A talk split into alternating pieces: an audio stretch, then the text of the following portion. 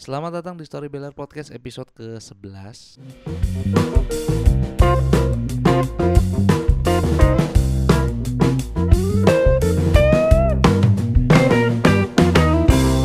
Cuma kali ini episodenya sedikit berbeda dengan sebelumnya ya. Maka gue namakan episode kali ini adalah Storybeller Podcast edisi introspeksi diri. Anjay. Mumpung akhir tahun juga menjelang penutupan tahun maka di episode kali ini gue mau nge-recap atau merekapitulasi perjalanan gue dari awal hingga detik ini. Tahun 2013 menjadi tahun pertama gue mengenal dunia stand up comedy. 2013 gue seorang sales promotion boy di salah satu mall yang ada di kota Bogor. Gue bekerja untuk mencari uang, untuk membantu keluarga, lalu tiba-tiba di tengah apa ya di tengah ketidaksibukan gua gue iseng searching YouTube. Buka YouTube lah. Di timeline YouTube itu berseliweran ada video stand up comedy Metro TV Jui Purwoto tahun 2013 gua klik lah video tersebut. Dari situ gue tahu oh ternyata ada juga nih genre komedi namanya stand up gitu. Karena setahu gua formatnya kan masih grup kayak cagur, kayak bajai, kayak SOS gitu. Oh, ada juga ya yang sendiri namanya stand up komedi gitu. Dari situ gua mulai tahu tuh dunia stand up. Karena semua video gua tonton abis nonton video yang Metro TV itu gue tonton semua video gue cari tahu ternyata ada foundernya ada pendirinya ada lima ada Panji Ernest Radit Rian sama Kang Isman. Terus ada juga di setiap kota tuh komunitas-komunitasnya masing-masing. Gue tonton lah video Jubi Purwoto tuh akhirnya gue suka anjing. Gampang loh stand up cuma ngomong sendiri doang gue pikir tuh. Akhirnya mulai gabung lah gue ke stand up Indo Bogor tahun 2013 Nah gue udah mengenal yang namanya open mic kala itu. Karena kan setelah informasi yang gue dapat ya Di setiap komunitas tuh ngadain yang namanya open mic. Begitu gabung pertama kali ke stand up Bogor Gue rencananya tuh pengen nonton doang Sama teman-teman gue Di salah satu cafe Yang disinggahi oleh komunitas stand up Bogor Sebagai tempat open mic tersebut Nah gue datang sama teman-teman gue tuh niat gue cuma pengen nonton gitu gue pengen tahu nih nonton langsung gimana sih kan selama ini gue nonton di YouTube doang. Soalnya gue ajak teman-teman gue nah waktu itu gue nonton tuh Ridwan Remin gue nonton Fajar Warmit Bakriyadi sebelum mereka seperti sekarang gitu. Ridwan Remin juga masih kurus mas materinya juga masih biasa aja gitu. Nah teman gue itu iseng ke belakang panggung untuk nulisin nama gua ke MC tanpa sepengetahuan gua. Beres dari situ tuh si MC tiba-tiba ngomong gini, kali ini ada penonton yang mau naik, tepuk tangan dulu dong. Terus gue bingung, penonton siapa lagi? Perasaan cuma di hari itu yang nonton cuma kita doang gitu, gua sama teman-teman gua, gua sama teman-teman gua doang gitu akhirnya MC itu nyebutin ini dia ada nih beler terus kata gue anjing lu kenapa nulis bangsat? Udah naik naik naik. Ya anjing gue nyiapin materi kan kata gue dan sebelumnya gue nggak tahu bahwa stand up itu by text gitu by script. Harus ditulis dulu baru dihafalin baru dibawain. Gue nggak tahu tuh sebelumnya. Karena yang gue tahu referensi hanya materi Jui Purwoto di Metro TV alhasil yang gue lakukan adalah gue naik ke atas panggung membawakan materi Jui Purwoto dan yang lebih tolol orangnya ada di situ. Gimana gua nggak malu dong? Reputasi gua ancur nih baru juga gabung komunitas udah malu-maluin. Nah disorakin tuh gua materi jui materi jui gitu. Karena gua nggak tahu bahwa stand up itu nggak boleh pakai materi orang lain. Begitu turun panggung gua minta maaf ke Jui Purwoto bang Jui gua minta maaf ya tadi materinya dipakai terus kata dia iya slow slow nggak apa-apa gitu Terus abis itu komunitas tersebut, komunitas stand up Bogor nih beres open mic uh, itu ada yang namanya evaluasi. Nah, gue ikut di evaluasi tersebut karena kan gue tampil. Terus gue bilang ya baru pertama kali. Terus kata adminnya ya di dunia stand up itu nggak boleh pakai materi orang lain. Gue kaget dong oh ya ya sorry gue nggak tahu soalnya dari situlah gue tahu bahwa stand up itu sebenarnya harus bikin naskah sendiri harus bikin skrip sendiri gitu.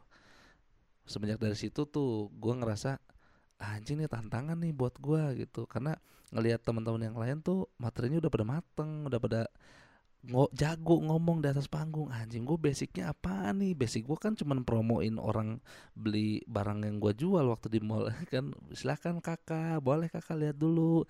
Cuman modal itu doang tapi kalau stand up kan lebih dari itu modalnya. Gabunglah gue tuh ngisi formulir resmi jadi anggota. Nah dari situ gue belajar lebih detail bahwa di setiap komunitas tuh punya agenda agenda yang namanya open mic ada juga yang namanya gathering. Open mic tempat latihan gathering tempat bengkel. Kayak lu punya materi nih dibedah dulu sama senior yang baik yang mana yang buruk yang mana seperti itu. Proses demi proses gue lalui open mic demi open mic gue ikuti selama satu tahun lebih kalau nggak salah ya gue hampir nyerah karena gue nggak pernah dapat tawa. Penampilan gue selalu nggak lucu selama satu tahun tuh kurang lebih ya. Satu tahun gue ngebom gue nggak lucu sama sekali gue naik panggung juga nggak ada yang ketawa materi gue juga gembel.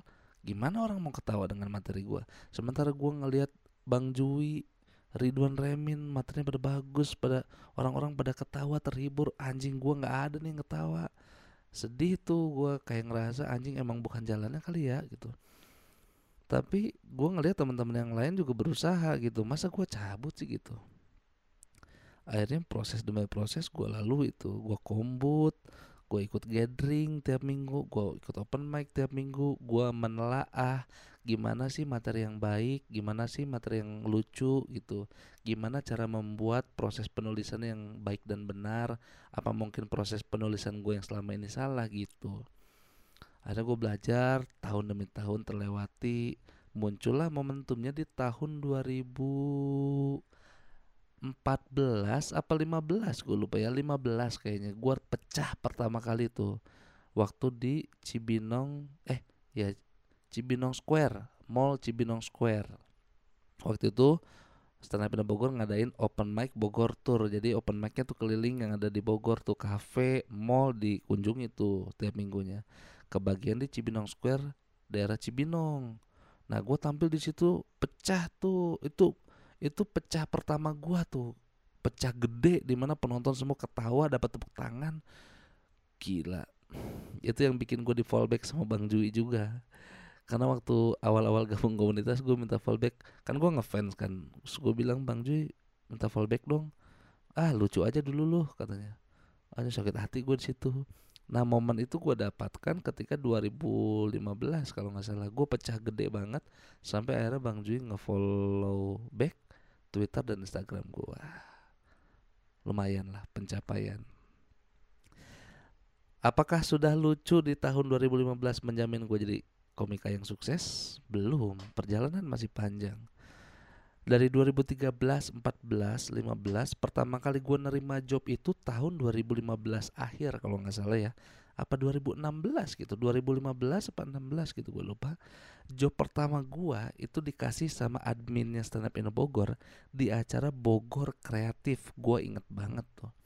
Gue tampil berdua sama temen gue namanya Adit Andrew. Gue tampil di situ itu job pertama gua dan nggak dapat bayaran duit lu tahu gua tampil dibayar pakai apa pakai nasi goreng tanpa telur nasi goreng polos sama kerupuk doang nggak ada telurnya sama sekali tapi gua nggak sedih gua happy karena gua dapat kepercayaan untuk dapat job gitu. Gua dapat kepercayaan dari admin stand up Indo Bogor untuk ngisi acara tersebut. Dari sekian banyak pilihan komika loh. Kenapa gue yang ditunjuk gitu? Udah tuh job pertama gue dapetin walaupun gue nggak dapet duit nggak masalah. Yang penting kan jam terbang gitu. 2016 gue dapat lagi job di uh, balai kota lebih upgrade nih secara lokasi. Dulu di cafe sekarang di balkot. Di balai kota gue tampil sama Angga Joy ada komika senior stand Bogor. Festival jomblo namanya. Dari situ tuh mulai kebuka tuh uh, apa harapan-harapan gue menjadi komika yang besar. Dari job gue dapat lagi job lagi udah mulai dibayar terus gue ikutan kompetisi antar komunitas yang diadakan oleh KFC dan Stand Up Indo Bogor berhasil menang di kompetisi tersebut. Terus gue hmm, dapat dapat tawaran job lagi dengan angka yang lebih mending dari eh, job-job uh, sebelumnya. Sampai akhirnya tahun 2013 gue bisa lolos stand up comedy Indonesia season 7 Kompas TV ya itu prestasi tertinggi gue mungkin ya di tahun itu. Karena sebelumnya gue udah nyobain audisi stand up comedy Akademi Indosiar nggak lolos. Gue ke Bandung gue nggak punya duit anjing gue inget banget tuh. Makanya gue mau ngucapin terima kasih buat Kang Ferry Ferry Ardil, Ardil Lesmanen yang udah memfasilitasi perjalanan gue ke Bandung. Gue ke Bandung nggak bawa duit anjing. Karena kan gue nggak kerja duit dari mana gitu. Gue nggak mungkin minta ke nyokap audisi suca gagal suci 5 gagal suci 6 gagal. Akhirnya gue ikut suci 7 waktu itu ada audisi digital di mana kita ngerekam video stand up kita terus diupload ke emailnya Kompas TV nanti diseleksi nih kalau yang lucu bisa dipanggil ke lokasi ke gedung Kompas hari H tapi tanpa ngantri gitu. Akhirnya gue terpilih lah sama Remin dan itu menjadi babak baru bagi gue di mana baru pertama kali seumur gue hidup ikut kompetisi sebesar suci gila. Di mana banyak ratusan komika yang mengmip, apa ya bermimpi untuk bisa tampil di panggung semegah itu. Nah, 2017 gue dapat momentum itu, gue dapat kesempatan berdiri di panggung sebesar itu. Dengan jam terbang yang tidak terlalu tinggi juga kalau dibanding Ridwan Remin mah gue jauh lah. Dia dari tahun 2011 aktifnya di Stand Up Bogor. 2012 mungkin lebih dulu dari gue jam terbang lebih mateng. Ya singkat cerita ngap-ngapan juga di setiap minggunya karena materi baru kan. Kompetisi di Gojlok di mana gua sama Ridwan. Dari Bogor gua kombut dulu. Gua konsultasi materi dulu ke siapa? Ke Jui Purwoto di saat itu Jui Purwoto tuh lagi sibuk-sibuknya syuting di Jati Asih di Bekasi. Jadi gue dari Bogor malam-malam pakai motor sama Ridwan Remin ke Bekasi untuk kombut doang sama Bang Jui gitu. Misalkan berangkat jam 8 malam, nyampe sana jam 10 atau setengah 11. Nungguin dia syuting jam 11 atau setengah 12. Setengah 12 Ridwan dulu kombut, habis itu gua balik-balik jam 2 subuh dari Bekasi naik motor lagi ke Bogor sud sampai subuh nyampe rumah gua packing baru subuh berangkat naik kereta dari Bogor ke Palmerah karena kita harus karantina di Hotel Ibis tempat fasilitasi oleh ya tempat yang difasilitasi oleh Kompas sebagai tempat karantina suci gitu. Selama berapa bulan tuh lu bayangin tuh? Selama proses kompetisi suci aja jadi gue sama Ridwan bolak-balik dari Bogor Jati Asih Bogor Jati Asih. Malam-malam pulang subuh berangkat naik kereta begitu terus. Supaya apa? Supaya dapat materi yang solid selama lima menit gitu. Mungkin dari proses itu juga akhirnya bisa membawa gua juara tiga suci tujuh Ridwan juara satu suci tujuh. Pencapaian tertinggi lah setidaknya bagi komunitas Tanah Indo Bogor. Karena baru kali ini baru tahun ini baru tahun 2017 maksud gua Stand Up Bogor punya juara di Suci sekaligus dua satu dan tiga gitu. Dari Suci itu tahun 2018 gue dapat kesempatan untuk ikut kompetisi lawak terbesar di Malaysia namanya Maharaja Lawak Mega 2018 nah ceritanya kenapa gue bisa nyampe ke Malaysia? Karena kompetisi Maharaja Lawak itu kan sudah ada dari tahun-tahun sebelumnya. Salah satu peserta yang bisa survive atau bertahan sampai ke tiga besar juara tiga itu adalah Zawin. Nah si kompetisi Maharaja Lawak ini panitianya nanyain ke Zawin ada nggak nih perwakilan dari Indonesia stand up yang yang apa yang mau masuk kompetisi Maharaja Lawak terus Jawin ngasih empat nama kalau nggak salah ya. Jupri Indra Jegel Mamat Alkatiri Rahmat sama gua lima lima nama. Ridwan juga sempat ditawarin tapi nggak bisa karena jobnya padat waktu itu. Akhirnya yang dipilih gua lah karena yang lain pada mental masalah jadwal. Gua doang nih yang mental masalah ekonomi kan. Oh, udahlah nggak ada lagi sikat berangkat berangkatlah gua 2018 ke Malaysia tuh. Bolak balik tuh Indonesia Malaysia Indonesia Malaysia. Uh, gue suruh ngirim video stand up di depan kamera terus habis itu dikirim ke pihak Malaysianya untuk di audisi lagi. Terus gue udah ngirim tiga video dengan materi yang berbeda. Habis itu kata dia oke okay nih boleh nih. Akhirnya gue diregistrasi didaftarin sama panitia tersebut. Namanya Hari orang yang ngurusin gue tuh namanya Hari sama Hari itu diurusin ke pihak Astro. Astro itu adalah salah satu televisi yang mengadakan acara Maharaja Lawak tersebut. Ke pihak Astro diajuin lah nama gue beres registrasi sudah sudah terverifikasi sudah sah. Berangkatlah gue dari Indonesia ke Malaysia untuk photoshoot pertamanya. Photoshoot tuh gue berangkat terus terus ngadain press con gitu habis itu gue balik lagi ke Indonesia. Set balik lagi. Berapa minggu gitu ya baru kompetisinya dimulai. Nah begitu aja terus dari 16 peserta gua setiap minggunya bolak-balik dari Indonesia ke Jakarta. Misalkan misalkan tampil hari Jumat berarti gua udah ada di Malaysia itu minimal banget hari Rabu. Rabu gua datang ke Malaysia dengan bawa materi yang udah lucu dari Indonesia di Malaysia itu dicoba lagi di open mic. Di open mic tuh hari Kamis. Hari Kamis eh di open mic itu hari Rabu. Hari Rabu udah di open micin. Hari Kamis pagi itu ada rehearsal atau uh, apa ya namanya screening screening. Ada screening rehearsal maji are ada screening dari pihak astronya apakah materi gue layak atau tidak ada revisi atau tidak. Habis dari Kamis screening materi baru hari Jumatnya pagi itu rehearsal dan live. Dan ini sifatnya live ya bukan tapping singkat cerita akhirnya tiap minggu gue bolak balik Indonesia Malaysia Indonesia Malaysia. Yang bikin gue sulit adalah yang pertama kulturnya kan walaupun kita negara serumpun atau negara tetangga tapi kita memiliki kultur yang berbeda gitu. Kayak contoh kecilnya aja lah. Indonesia ada tawuran di sana tuh nggak ada bukan nggak ada sih tidak sebesar Indonesia tawurannya. Terus secara bahasa ada bahasa yang slang slangian di, di Indonesia yang di sana tuh orang nggak tahu. Kayak cabut tuh mereka nggak tahu. Taunya cabut ya cabut singkong tapi nggak tahu cabut kalau nongkrong nih cabut yuk gitu nggak tahu.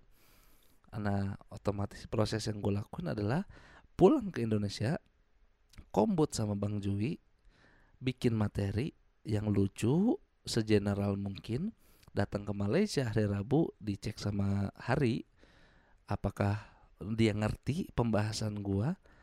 Kalau udah ngerti lanjut ke tahap hari Senin hari Kamis itu screening. Apakah produser sepakat? Apakah produser produser nge-ACC materi gua? Wah kayaknya agak diubah nih kalau bahasanya gini karena orang Malaysia nggak ngerti habis itu baru tampil hari Jumat. Jadi prosesnya begitu gua bikin materi lucu di Indonesia dibawa ke sana ditranslate atau diubah menjadi kalimat yang sederhana sehingga penonton Malaysia bisa ngerti baru gua bawain. Ada tiga tuh prosesnya. Sehingga cerita akhirnya gua keluar di delapan besar dari 16 peserta. Sudah pencapaian paling tinggi lah dalam hidup gua ya karena untuk berada di 10 besar eh berada di lima besar tuh sulit banget gila. Susah ngelawan grup-grup yang udah legend di sana. Lu bayangin aja kalau di Indonesia nih kayak gue tampil stand up harus lawan cagur bertiga gila loh. Kayaknya peluang gue untuk bisanya bisa tembusnya tuh kecil. Walaupun orang bilang Zawin bisa tapi kan proses orang dalam menekuni hal kan beda-beda. Mungkin Zawin rajin gua enggak kali. Atau Zawin jiwanya petualang gua homesick jadi bisa bisa jadi gitu. 2018 berhasil di Maharaja Lawak Mega. Dari uh, dari 16 peserta keluar di 8 besar. Nggak apa-apa nggak kecewa juga gue toh gue keluar dengan terhormat kok gue keluar bukan karena gue nggak lucu tapi yang lain lebih pecah aja gitu. Di 2018 selesai itu nggak lama dari Maharaja Lawak gua bikin yang namanya Beler di Kari tahun 2019 2019 gue bikin mini show. Mini show special show gua stand up gua. Stand up gua gue bikin mini show di cafe yang ada di Bogor adalah itu mini show pertama gua selama berkarir di stand up comedy Kenapa mini show? Karena gue belum pede untuk bilang special show, jadi yang kecil aja udah mini show gitu. yang nonton cuma 100, tapi gue puas di situ karena penampilan gue all out banget ya yang gue rasain. Gue membawa materi keresahan apa yang gue alami gitu secara personal. 2018 gue berhasil mengukir karya dengan julukan Belardikari tahun 2019 sorry. 2019 Belardikari tahun 2020 itu gue bikin special show tour. Namanya Bella Revolution tour ke tujuh kota tuh. Bandung Solo Bogor Jakarta Tasik sama Garut sama Pekalongan. Endingnya harusnya di Bogor karena pandemi akhirnya di cancel gitu Bell Revolution tahun 2020 2021 makin membuka lagi uh, harapan gue menjadi komika yang besar. Setelah gue dapat tawaran job uh, ngombutin salah satu orang yang expert di bidang stand up lah. Gue nggak bisa sebut namanya ya.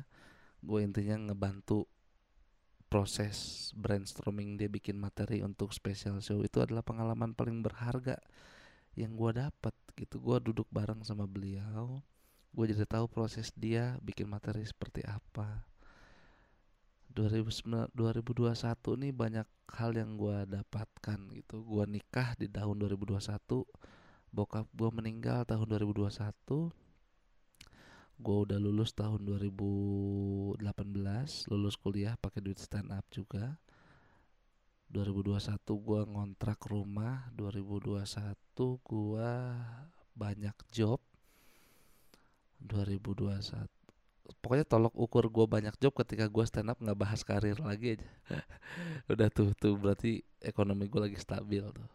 Dan gue merasakan itu sampai detik ini gitu udah di tahun 2021 itu doang yang yang gede-gedenya dong yang gue ambil. Kalau ngejob sih nggak usah dihitung tapi pengalaman yang berharga itu yang harus gue sebutkan ya. Bisa duduk bareng dengan salah satu stand up comedian Indonesia yang legend dan bisa duduk bareng diskusi bantu brainstorming dia dalam menciptakan materi satu set untuk special show-nya. Gue mau nyampein pesan ke teman-teman semua semoga di tahun 2022 ini bisa menjadi tahun yang lebih baik buat kita semua. Bisa menjadi tahun yang tahun yang berkesan lah bagi kita ya. Tahun 2022 menjadi tahun yang lebih cerah dari sebelumnya karena kita udah dua tahun ditimpa oleh pandemi. Semoga tahun 2022 enggak ya. Itu aja mungkin gue banyak terima kasihnya nih di podcast ini gue mau terima kasih buat yang pertama Allah Subhanahu Wa Taala. Yang kedua kepada orang tua gue yang udah support selama ini walaupun banyak banyak banyak debatnya masalah karir. Tapi setidaknya gue sedikit membuktikan lah ke nyokap gue bahwa gue bisa berdiri di atas kaki gue sendiri.